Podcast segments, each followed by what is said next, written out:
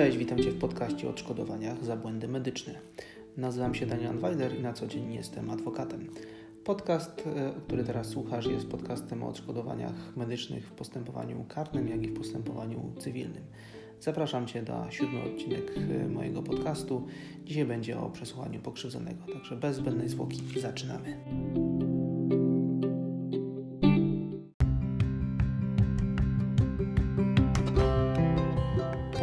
Zawiadomienia i ustaleniu przez organy powołane do prowadzenia sprawy, jaki organ czy też jednostka będzie prowadził sprawę z Twojego zawiadomienia, zostaniesz wezwany e, do złożenia zeznań w charakterze świadka i w większości przypadków e, również w charakterze pokrzywdzonego. Organ prowadzący postępowanie pouczy Cię w trakcie, przed, przed przystąpieniem do samego przesłuchania o Twoich prawach i jeżeli Twoje dobro chronione prawem, takie jak życie lub zdrowie, zostało zagrożone przez przestępstwo, zostanie Ci nadany status pokrzywdzonego w sprawie. Status pokrzywdzonego w sprawie zostanie Ci również e, nadany, jeżeli składałeś zawiadomienie, gdy pokrzywdzonym jest e, osoba najbliższa, która w wyniku błędu e, lekarza zmarła. Uznanie za pokrzywdzonego oznacza, że masz prawa strony w postępowaniu, to znaczy masz wgląd e, w każdym etapie postępowania przygotowawczego, co się e, na jego etapie dzieje. Możesz składać wnioski dowodowe, być obecny przy e, przesłuchaniach innych osób, jak również możesz składać zarzuty do opinii biegłego, czy też mieć wpływ na to, jakie pytania biegłym zostaną zadane.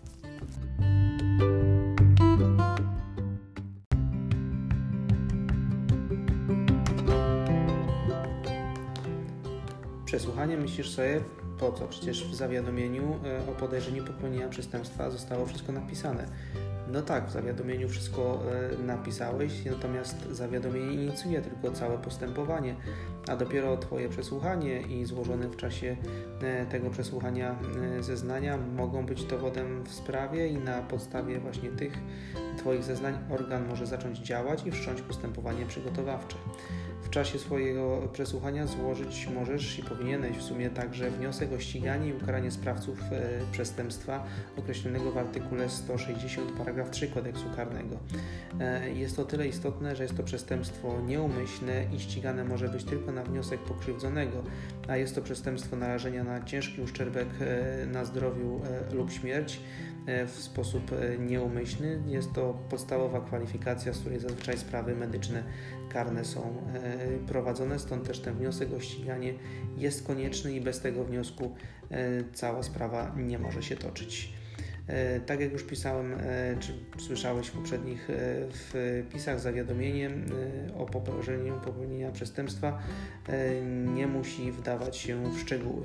Szczegóły zdarzeń i to bardzo dokładnie musisz podać dopiero w, na przesłuchaniu. Możesz w czasie przesłuchania odwołać się do dokumentacji medycznej, czy też możesz się nią posiłkować. Pamiętaj jednak, że mm, nie musisz, czy nie możesz czytać z kartki musisz to, co e, pamiętasz i jak najbardziej szczegółowo musisz to powiedzieć.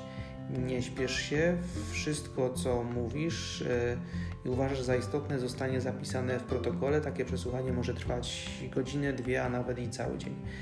Po zakończeniu swojego przesłuchania Pamiętaj, żeby, żeby przeczytać e, to, co zostało zapisane e, i podpisać protokół, jeżeli jest to zgodne z tym, co mówiłeś. Jeżeli nie, no to możesz rzeczywiście wprowadzić e, poprawki i do słowa przesłuchująca Cię zazwyczaj prokurator czy też policjant takie poprawki wprowadzić musi. Dopiero jeżeli protokół jest zgodny z tym, co mówiłeś, podpisujesz. Jeżeli chodzi o dalsze czynności, no to w tym momencie najprawdopodobniej, najprawdopodobniej zostanie podjęta decyzja o wszczęciu postępowania, o czym, będąc oczywiście pokrzywdzonym, zostaniesz poinformowany i całe postępowanie ruszy dalej.